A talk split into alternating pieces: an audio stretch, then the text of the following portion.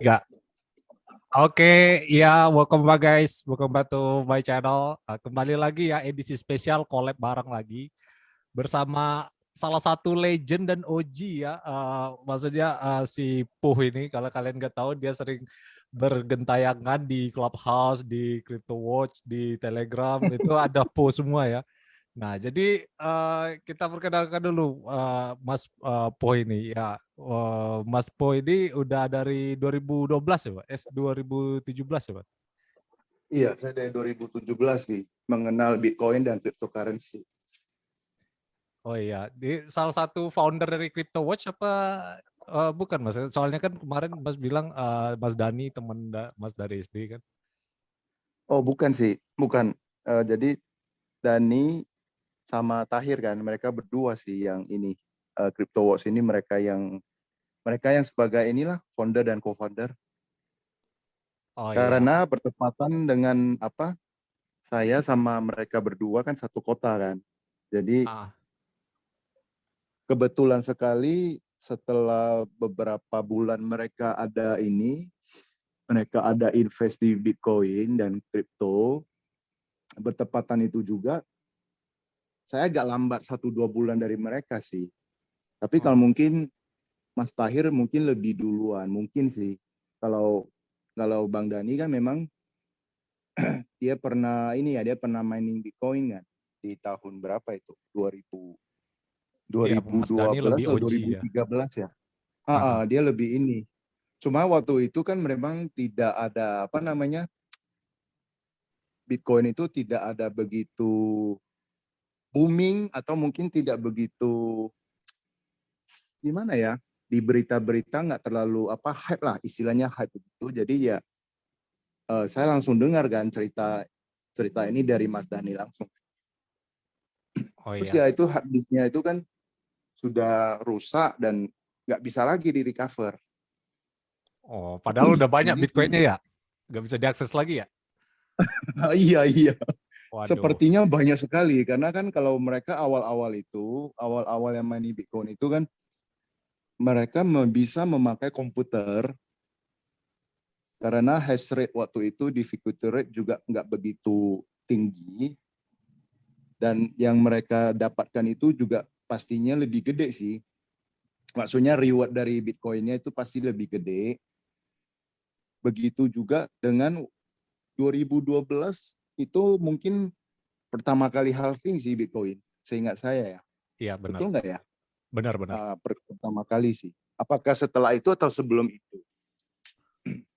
Oke okay lah kalau misalnya seandainya sebe, uh, setelah itu juga berarti satu satu blok itu kan 10 menit terjadi. Yep. Satu blok uh, 10 menit terjadi dan waktu itu harusnya 50 BTC sih, 50 uh, 50 apa namanya? 50 BTC yang di dalam 10 menit itu terjadi di iya. dalam reward itu. Uh -uh. Nah, itu sih. Jadi ya mengenai crypto wars awal-awal sih karena kita sesama kota Medan dan uh, juga ada beberapa teman juga termasuk si kalau di dalam grup crypto wars namanya kan Satoshi ya. Dia juga yeah. Iya. uh, teman kita sih. dia juga teman kita dan dia juga lebih awal. Dia juga lebih awal dari saya. Dia pernah beli Ethereum sebesar satu dolar waktu itu. Oh, yang pas masih pre-mine gitu ya, yang 2015 ya? Uh, tapi dia belinya setelah ICO. Oh, setelah pre-mine. Iya. Uh, setelah setelah setelah pre-mine setelah ICO, nah itu kan sudah di listing di publik, nah dari, sana dia berbeli sih. Jadi okay. ya mengenai uh, saya join di Crypto Wars itu di, dari awal-awal, dari awal-awal kita masih di grup WhatsApp ya. Sebelum akhirnya terlalu rame, kemudian kita pindah ke Discord dan dan di ini Telegram. Karena Telegram kan lebih banyak ya menampung membernya menampung apanya kan bisa sampai puluhan ribu. Sedangkan WhatsApp kan sangat terbatas, cuma 250 kalau tidak. Yeah. Uh, itu sih kira kira-kira yeah. uh, awal-awal ya, begini. Ya itu guys uh, apa uh, kisah dari Puh ini uh, ke apa uh, dia bergabung sama Crypto Watch ya. Jadi kalian bisa ntar uh, saya share di link deskripsi uh, link dari Crypto Watch ya. Um, terus ini apa uh, balik lagi ya Mas masih ke background tak kenal maka kata sayang. Kenapa Po Mas? Maksudnya Mas masuk di sini uh, Po itu kan identik sama beruang ya. Apakah Mas ini dendam sama bear market atau pengen bear market atau gimana? Iya, soalnya kan sih, enggak. tiap kali koreksi kan, "Aduh, 8.000, 8.000." Oh, ini pasti kepengen harga murah kan ketinggalan kereta nih kayaknya. Enggak sih, enggak sih. Saya memang dari dulu sewaktu masih SMA begini saya sudah suka sih karena Winnie the Pooh kan lucu ya, beruang, dia beruang lucu, penampilannya cute, manis begitu. Jadi kalau selalu kan di di dalam kripto ini kan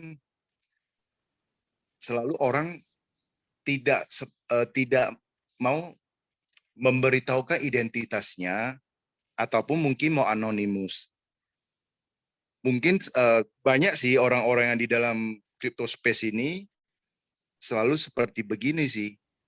Nah, dari dulu saya memang sudah suka sekali dengan karakter Winnie the Pooh ini karena dia lucu eh, segala macam lah kan. Dia punya teman-temannya kan. Saya juga nonton sih filmnya. Mungkin ini agak sedikit apa ya? Ini agak terlalu apa? Di eh, saya memang suka sih karakter ini. Jadi sama sekali nggak ada hubungan dengan eh, kripto, sama sekali nggak ada hubungan dengan Bitcoin dan ya dari awal itu saya memang suka Pooh kemudian teman-teman ya panggil saya Pooh kan karena memang display picture saya di kripto eh, di Telegram juga ini saya pakai Winnie the Pooh. Jadi ya beberapa teman panggil ya sampai hari ini sih Mas. pada panggil-panggil ini kan. Jarang sih orang yang panggil panggil nama saya. Iya. Ah, itu sih, cuma itu sih. Tapi jujur kalau misalnya kalau eh, sampai mikirin untuk bear sampai 8.000 sih sepertinya agak agak kemungkinannya kecil sekali sih. Yang nenek kemarin ya, nenek kemarin ya. Ah iya ya kalau yang nenek sudah tua itu memang eh, dia mungkin berpikiran seperti begini. Saya juga nggak tahu apakah dia cuma joking doang, apa karena memang dia pengen beli dalam jumlah yang besar. Nah, saya nggak tahu sih eh, apa mungkin dia juga eh, gimana kan? Mungkin dia juga dengar informasi dari apa atau segala macam. Saya nggak tahu sih. Tapi yang jelas kalau 8.000 itu sepertinya sangat susah sekali. Iya. Andaikan sempa- eh, seandainya sempat 8.000 kemudian dia balik lagi, apakah ada orang mau beli enggak dari harga yang sekarang ini? Iya, itu dipertanyakan sih. Heeh. Apakah orang berani enggak? Iya. Nah. Kadang orangnya inilah psikologi kan Mas, balik-balik lagi kan. Kadang giliran dikasih murah nggak mau beli, tapi giliran harga naik FOMO. Iya kan? ya kita Iya, iya. ya itulah orang cuman pengen enaknya doang kan intinya kan. Betul sih, betul. Pengen enaknya doang, pengen melihat eh, mereka punya portfolio naik begitu. Tapi pertanyaannya kalau waktu bear market itu eh, sampai 2 sampai 3 tahun itu gimana itu perasaannya? Kan saya sampai hari ini yang tahun dari tahun 2017 saya sampai hari ini belum pernah jual sih BTC saya. Memang jumlahnya nggak begitu banyak sih, nggak begitu banyak sih. Tapi saya sampai hari ini nggak pernah jual. Saya juga terakhir pernah beli di 2017 akhir itu, kalau tidak salah November, itu hampir 200 juta sih. Sampai hari ini juga saya belum pernah jual. Dan memang saya nggak berencana untuk menjualnya kalau saya memang tidak benar-benar membutuhkan fiat money. Iya, ngerti. Itu sih. Iya, soalnya eh, Mas di sini ini kan apa eh, udah da- dari 2017. Ya kalau misal dari 2017 eh, ngeholdnya Bitcoin sih masih aman sih Mas. Soalnya kan eh, Bitcoin eh, terbebas dari inflasi ya. Nah jadi eh, sekarang pun masih 2x ya hitungannya eh, dari all time highs. Jadi ya seenggaknya masih ada inilah. Cuman kalau Mas holding shitcoin waktu itu di 2017 ah, mungkin ceritanya agak beda. Apakah Mas 2017 sempat kejerembab juga ke dalam shitcoin Mas? Maksudnya uh, sempat masuk juga ke lubang maksiat itu Mas? Betul sih. Saya juga salah satu orang yang di mana juga uh, waktu itu saya juga uh, tidak mengerti sama sekali apa itu shitcoin, apa itu bitcoin, apa itu altcoin dan segala macam sih. Saya juga termasuk salah satu orang yang sangat bodoh sekali sih. Jadi kalau bagi uh, yang mendengarkan di dalam YouTube ini ya janganlah mengikuti kebodohan kami yang sudah lalu-lalu ini sih. Biarkanlah sudah aja kami aja sih yang yang yang apalah yang sudah mencicipin minus sampai 95 persen. Iya. Nah, itu dulunya pernah dibeli NST kan. Karena awal-awal itu dulu-dulu. Oh yang airdrop itu ya, Ignis itu ya. Betul, NST Ignis. Saya salah uh, saya salah satu orang yang uh, waktu itu di Crypto Wars yang lumayan sering promote NST. Karena mengingat airdropnya. Iya. Saya lupa sih satu banding berapa. Sepertinya satu banding dua atau banding lima, nggak tahu. Uh, nggak nggak nggak perlu diingat lagi dan itu memang ya itu sudah kesalahan besar lah. Itu cuma salah satu sih. Saya iya. juga pernah beli Ripple, beli iya. uh, Stella Lumens, pernah beli TRX, pernah beli Ethereum juga sih. Iya. Nah, dan segala macam saya masih nggak begitu ingat lagi uh, waktu 2017 itu saya beli. Tapi mungkin ada satu altcoin yang saya beli, menurut saya ini bukan shitcoin sih. Menurut saya saya masih eh, kategorikan ini altcoin. Ya saya beli BNB sih waktu tahun 2018, 2019. Dan saya juga salah satu orang yang sering sealing BNB. Sebelum waktu itu market cap BNB itu masih belum begitu gede seperti hari ini saya sama beberapa teman sih kami uh, saya saya siling sih saya siling dan kayaknya sepertinya nggak sampai mungkin nggak sampai eh, satu uh, atau dua persen sih di dalam grup itu yang beli BNB nggak tahu saya nggak nggak pernah survei. Tapi yang jelas uh, nggak begitu banyak orang. Kemudian kami beli waktu beli itu karena Binance itu melakukan launchpad. Launchpad itu adalah sorry ini saya bukan saya bukan lagi promote uh, Binance, saya juga bukan lagi promote BNB. Cuma uh, saya uh, apa flashback kembali kenapa saya bisa beli BNB karena launchpadnya launchpad itu adalah token baru yang mau di listing istilahnya si ICO lah. ICO itu kan initial coin offering. Nah, kalau lewat daripada satu exchanger itu nama IEO, Initial Exchange Offering. Nah, waktu itu Binance melakukan itu. Dan waktu awal-awal kita melakukan it, uh, beli itu, sorry kita bukan beli, itu tapi harus mempunyai 50 BNB, dapat satu tiket, tiket lotre. Jadi ingat, ini adalah lotre, belum pasti dapat. Kemungkinan berapa persen? Mungkin cuma satu atau lima persen doang kamu bisa dapat tiket itu kalau kamu dapat tiket itu, ya kira-kira lah sepertinya kamu istilahnya mendapat benar-benar rotary lah. Nah waktu itu saya, eh, saya dan beberapa teman sih kita beli, kita beli BNB itu dari harga 10 dolar, 15 sampai terakhir 22 dolar sih saya belinya. Itu udah profit banyak lah. nah itu itu cerita mengenai ini sih uh, mengenai launchpad sih. Nah itu sampai hari, hari ini terakhir kan udah berubah sih sistemnya udah berubah berapa kali. Saya, saya kira nggak begitu penting sih mengenai BMB ini sih. Ya soalnya juga ada yang baru juga ngesil-ngesil juga kan. yang apa slip-slip. Ya itu ya urusan lain guys. Kita nggak pengen bahas itu juga. Uh, jadi uh, disebutkan di sini ya uh, Mas uh, Poh ini udah ini ya apa uh, dari 2017 terus pernah beli shitcoin juga terus uh, sekarang masih ngehold Bitcoinnya. Uh, terus uh, dari berdasarkan pengalaman itu, Mas mengidentifikasikan diri Mas sebagai maksimalis atau enggak? Soalnya kan Mas ada berbagai altcoin juga yang Mas uh, jadikan diversifikasi ya. Menurut Mas gimana? Kalau bisa dikategorikan maksimalis, mungkin sih masih jauh ya. Karena maksimalis sama sekali tidak tidak pernah mau dan tidak mau menyentuh alternate coin yang bagi mereka bagi orang maksimalis itu tidak ada yang namakan alternate coin. Yang ada cuma shit coin. Berarti kalau ada puluhan ribu, berarti semuanya itu adalah shit coin. Cuma satu aja Bitcoin. Jadi bagi saya, saya masih belum bisa dikategorikan seperti itu sih. Tapi bagi kita yang sudah lama, kita pasti tahu sih kalau kita beli altcoin, altcoin, coin itu sebenarnya fungsi kita ya untuk memperbanyak kita punya Bitcoin.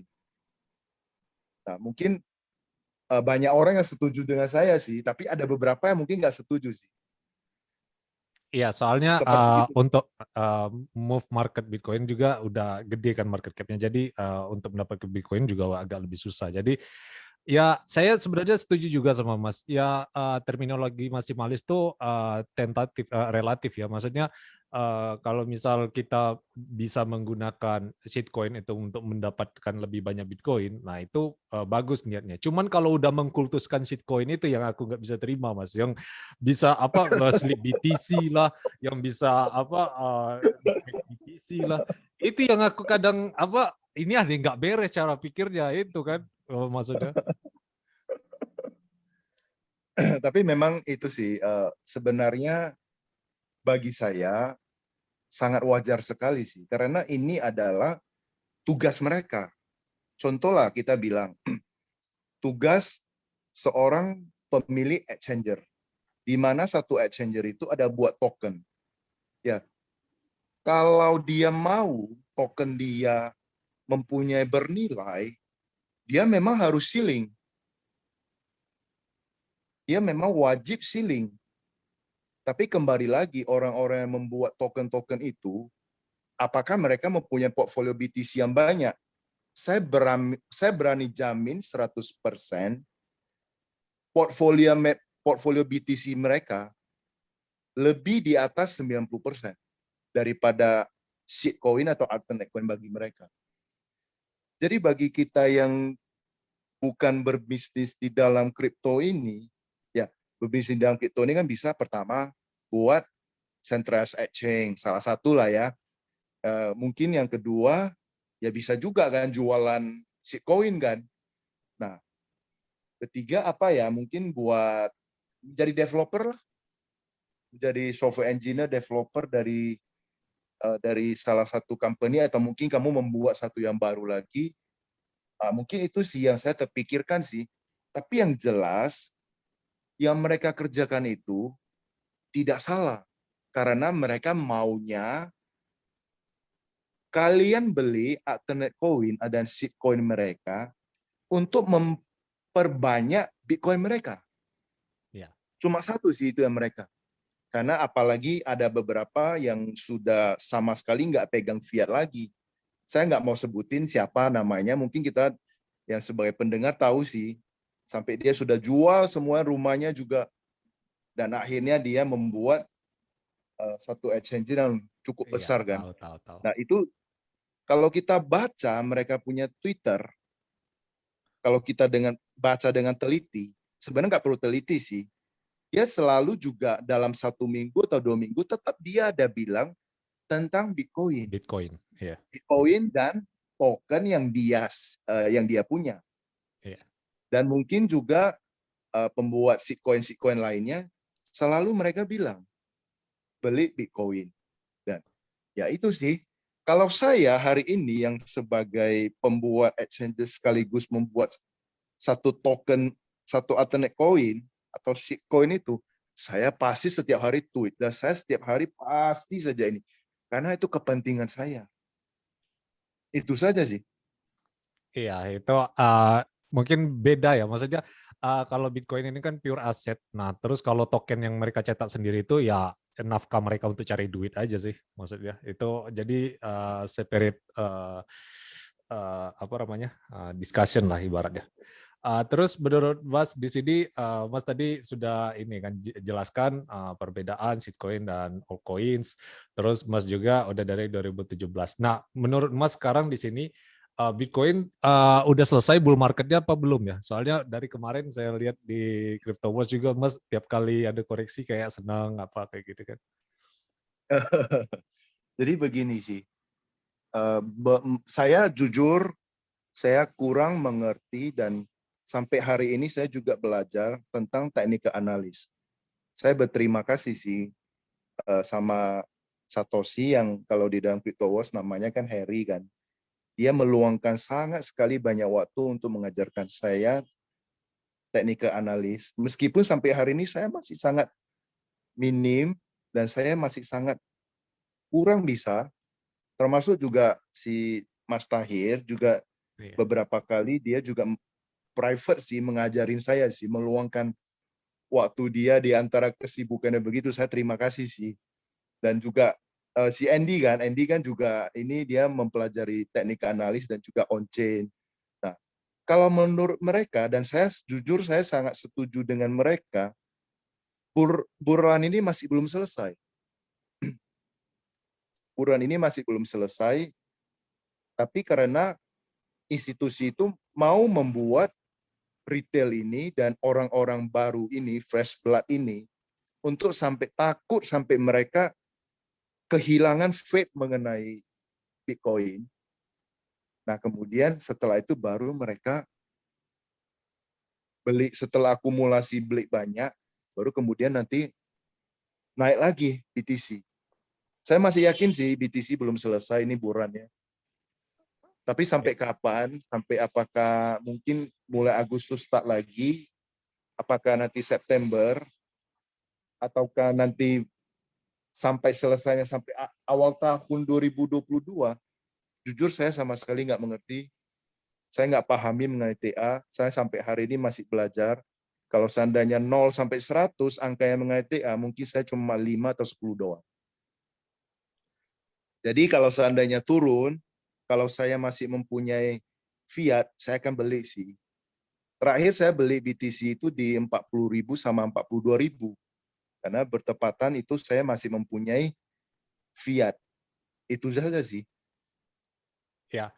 Jadi uh, ini ya Mas, apa uh, kita uh, ketahui sama-sama guys uh, tanggapan dari Mas ini. Ya ini bukan financial advice atau gimana ya. Maksudnya uh, bull run kali ini memang belum selesai. Nah terus juga tadi Mas menyebutkan bahwa ada influencer yang kadang uh, nge-tweet Bitcoin uh, tiap dua minggu sekali, uh, tapi dia punya uh, shitcoin juga.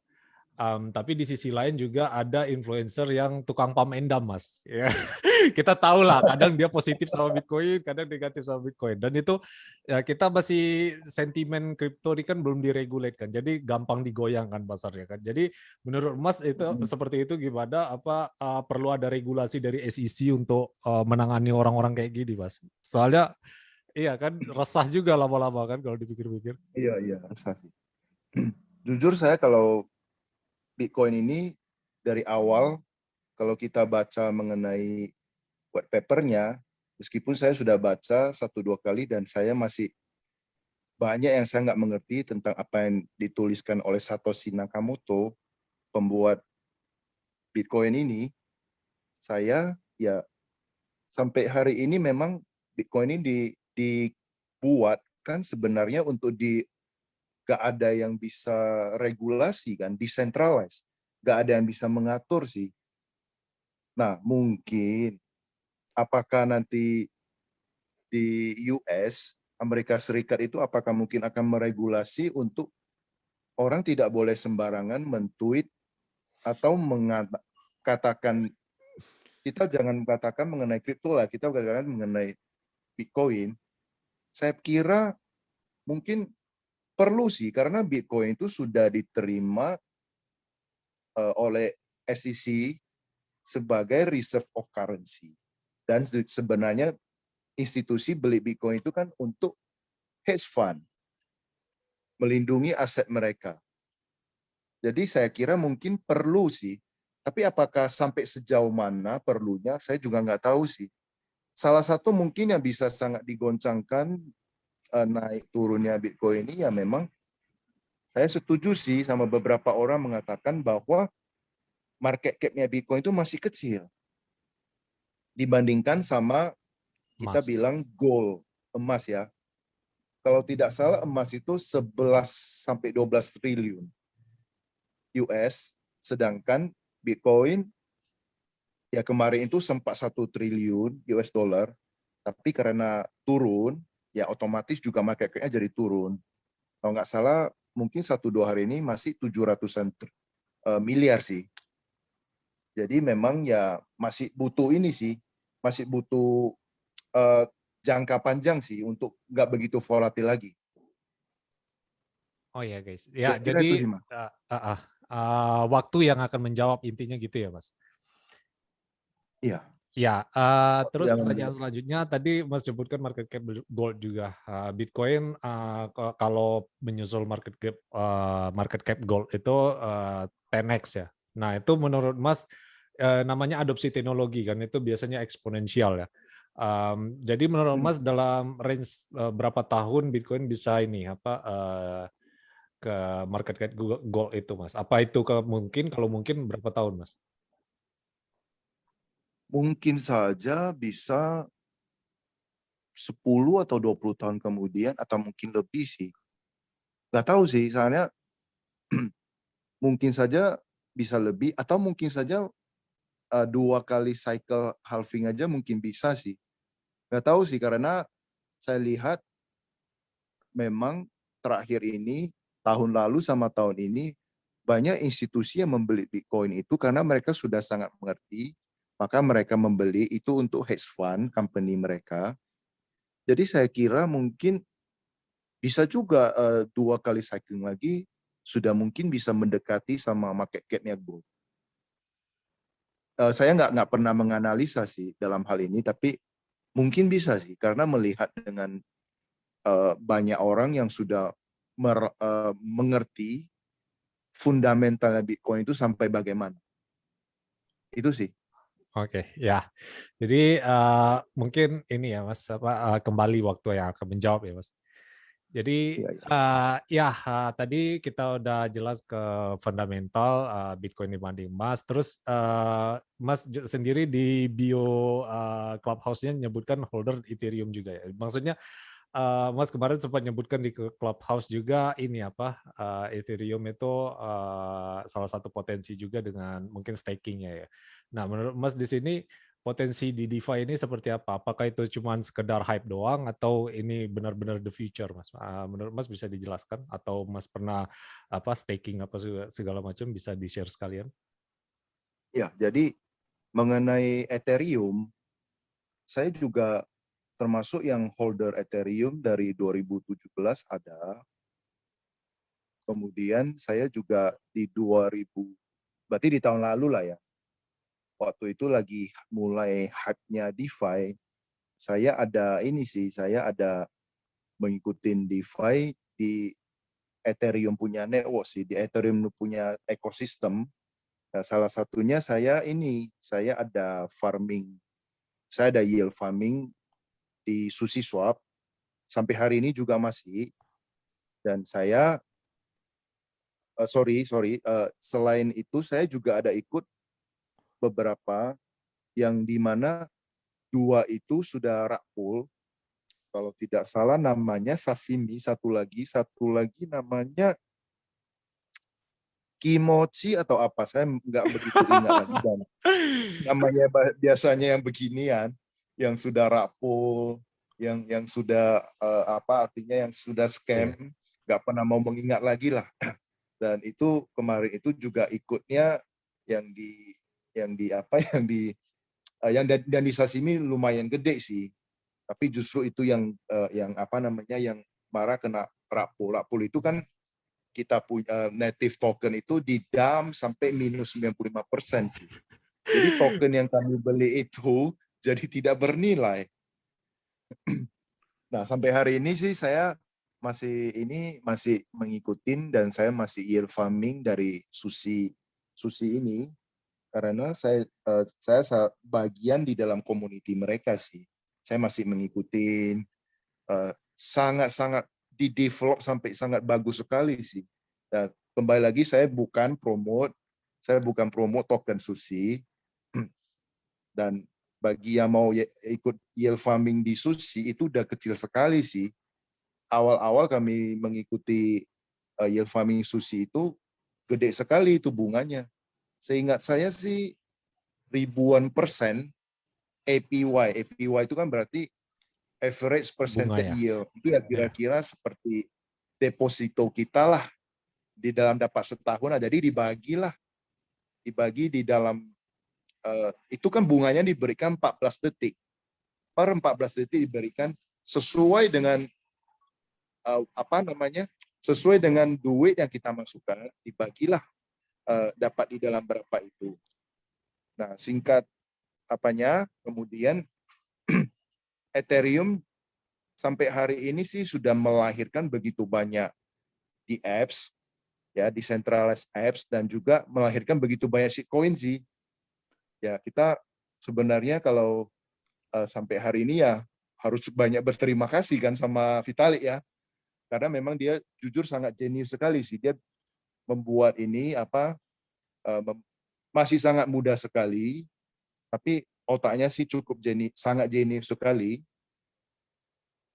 Jadi ya memang Ethereum sampai hari ini bagi saya mempunyai fundamental yang cukup kuat sih dibanding dengan dibanding dengan beberapa blockchain yang katanya mau killer Ethereum, tapi ya sampai hari ini masih belum killer-killer sih.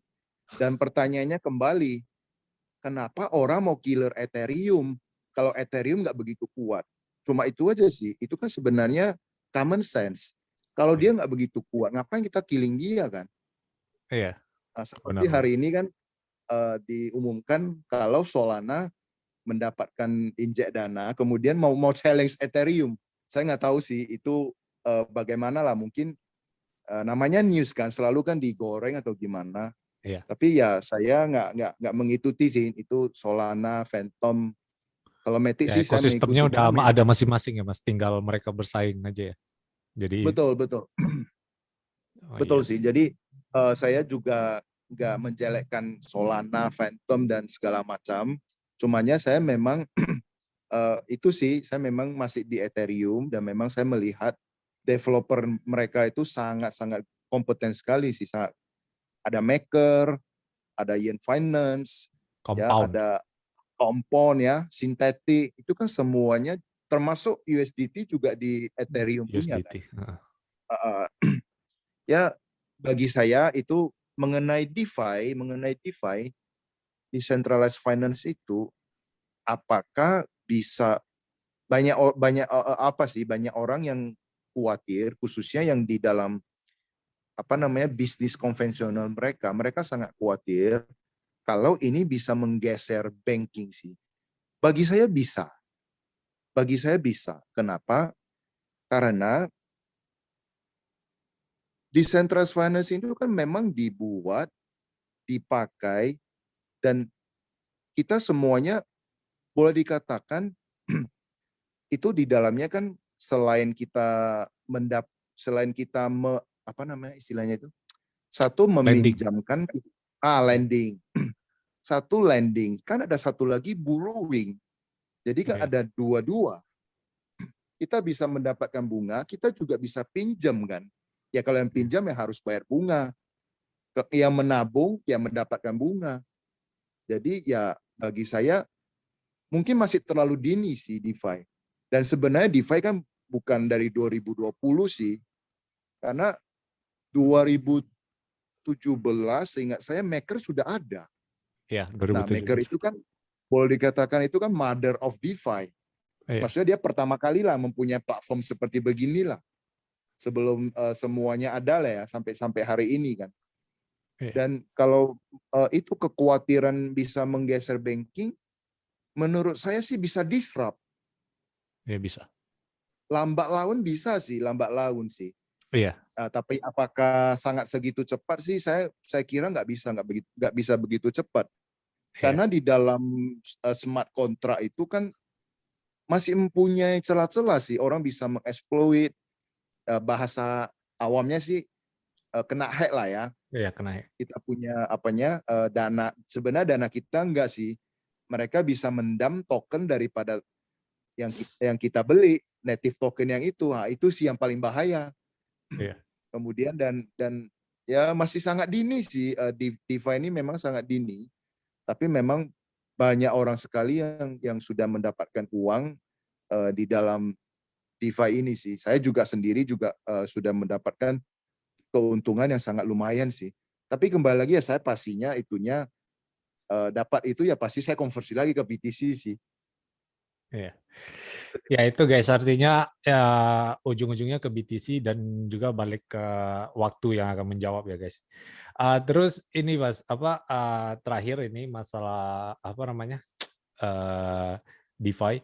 Menurut Mas uh, Ethereum ini prospek tadi kan Mas sudah jelasin banyak Ethereum kan. Uh, Ethereum apa uh, banyak orang anggap Ethereum itu kalau udah EIP uh, 1559 uh, itu proposal apa uh, itu kalau udah di approve udah diimplementasikan itu bisa jadi ultrasound money yang mana itu merupakan uh, lebih dari Bitcoin ya. Soalnya uh, selain uh, supply-nya itu uh, apa uh, digerus terus, maksudnya di burn terus, jadi uh, nggak bisa cap sama kayak BTC. Jadi uh, value dari uh, ultra deflasi lah ibaratnya. Jadi menurut Mas uh, dengan sistem mekanisme uh, moneter yang seperti itu, uh, Ethereum bisa overtake Bitcoin nggak? Ethereum bisa overtake Bitcoin secara market cap sih. Menurut saya pribadi bukan karena bukan karena saya sebagai uh, apa namanya kan banyak orang mengira kita di mana-mana membicarakan tentang Bitcoin. Eh, kan banyak teman-teman tanya, eh mau beli apa sih di dalam kripto ini? Saya beli Bitcoin. Nah banyak orang mengira, oh ini dia punya banyak Bitcoin, makanya dia stealing Bitcoin. Sorry, sorry to say, bukan seperti begini pemahaman mindset kalian. Kalau ada yang seperti begitu, Nah, berarti kalian punya mindset tentang Bitcoin sih masih salah. Mungkin perlu belajar lagi sih mengenai fundamental Bitcoin. Sama sekali nggak ada. Nah, kalau mengenai Ethereum akan overtake Bitcoin dalam secara market kayak atau gimana, menurut saya sih menurut saya sih agak mustahil sih. Kenapa agak mustahil? Karena kalau kita bicara mengenai kripto, tidak tidak pernah terlepas satu kali pun mengenai Bitcoin. Gak bisa terlepas. Kembali lagi, ini bukan masalah brand. Kalau ada orang mengatakan, oh, crypto itu ya, ya masa brandnya itu Bitcoin kan? Bukan, bukan mengenai begini sih. Tapi karena Bitcoin itu memang dia punya satu uh, terlalu besar punya terlalu besar dan terlalu secure di mana ya kita tahu sendiri Bitcoin punya sampai hari ini juga. Nah mungkin sampai kesudahannya tidak akan ada orang yang sanggup menghack Bitcoin. Maksudnya sanggup menghack node-nya. Nah sampai hari ini memang sampai hari ini belum ada sih. Kan dulu-dulunya kan di di apa uh, disodorkan kalau kuantum komputer bisa tapi menurut saya sih itu mungkin cuma uh, kalayan apa namanya uh, kalayan orang lah gitulah. Yeah. Jadi uh, sampai nanti di IEP 1559 diimplementasikan, apakah masih bisa? Menurut saya tidak. Justru nanti sudah diimplementasikan, Ethereum itu sudah pasti harganya nanti pasti akan namanya apa? Pasti akan si pump sih, pasti akan sudah orang uh, memakai Ethereum secara apa sih termasuk di dalam DeFi, di dalam NFT dan segala macam sih. Jadi bagi saya kenapa nggak bisa ya karena salah satu sih Ethereum itu kan token yang kita tahu sendiri dia unlimited unlimited supply. Ya. Dan juga Ethereum ini dia kan fungsinya sebenarnya dia adalah utility token. Dan memang utility token itu kan harusnya tidak boleh ada tidak boleh supply-nya bisa supply-nya tidak bisa limited, nggak boleh terbatas. Ya. Harus tidak terbatas, itu baru betul sih. Ya. Nah, jadi kalau disimpulkan kembali kalau bisa menurut saya sih sangat mustahil. Kalau bisa pun mungkin 0,000 sekian satu persen sih. Kalau bisa sana terjadi itu aja sih. Ya, jadi uh, ini being realistis saja ya guys. Jadi uh, kita ketahui uh, bahwa uh, Ethereum chance-nya kecil kemungkinan untuk bisa overtake Bitcoin. Um, terus juga ini pertanyaan terakhir juga Mas uh, masih mengenai Ethereum. Apa menurut pendapat Mas kemarin Mas Dani sempat bilang uh, ya teknologinya secara bagus uh, dia masih tetap menunggu kan uh, DeFi ini uh, dan Ethereum ini ke depannya seperti apa.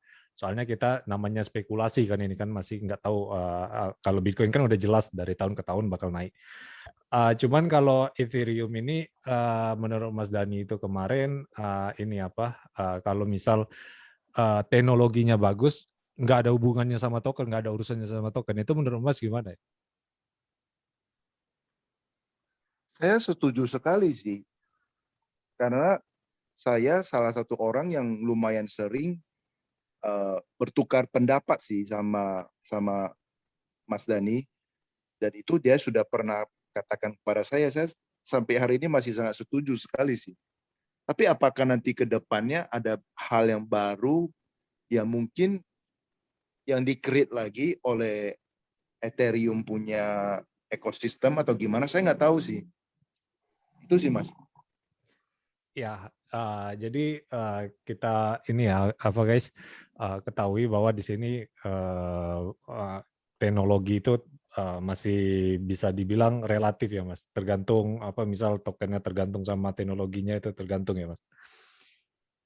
Hmm, hmm. Iya, sangat, Ya. sangat sekali sih. Ah, ah. ya udah guys, eh, ini udah 45 menit eh, interview kita. Sebelum saya akhiri tidak dari semua terasa. ini, ya udah nggak terasa mas, ya udah terasa. Jadi eh, Iya, sebelum kita tutup acara ini guys, eh, saya ada fire question ya, eh, mau tanya ke Mas Po ini. Semoga bisa dijawab ya. Jadi saya Iya. kasih pertanyaan versus kayak gini, Mas tinggal jawab aja. eh, pengen kalau misal pengen ngasih tahu alasannya nggak apa-apa, nggak juga nggak apa-apa. Terus eh, pertanyaan pertama, eh, Satoshi atau Vitalik? Satoshi, Eh, Dex atau Sex? Dex, Eh, Bitcoin atau Gold? Bitcoin, pasti. Eh, terus eh, Binance atau Coinbase? Binance. Eh, kenapa? terus Sorry, saya bilang kenapa Binance ya? Karena dulunya Coinbase di tahun 2017 sampai tahun 2018 itu dia menutup untuk orang-orang yang bertempat tinggal di Indonesia. Kalau seandainya di tahun itu dia tidak menutup, saya pasti sampai hari ini menggunakan Coinbase.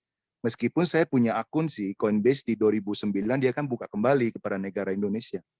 Tapi karena itulah, karena itu salah satu penyebab ya ya mungkin karena Binance itu ya pintar sih dia sampai nggak mau menutup kan. Semua orang boleh pakai begini. Sampai sudah ratusan negara kan orang yang memakai Binance. Itu sih. Terus yang terakhir ini proof of work atau proof of stake? Proof of work. Proof of work. Oh, oke. Ya udah guys, itu aja uh, kita akhiri uh, semua ini. Uh, nanti saya akan share uh, link dari CryptoWatch di link di deskripsi. Makasih Mas sudah main-main di uh, channel Cryptoria Channel. Jangan kapok-kapok ya. Mungkin pas akhir dari bull market kita bakal flashback lagi ya, review lagi ya apa uh, interview hari ini ya. Maksudnya, oh Bitcoin udah di all time highs. Uh, mari kita review lagi. Kayak gitu ya. Oke. Guys, Sama-sama uh. Terima kasih. Ah, ah, leave a like and subscribe to my channel ya.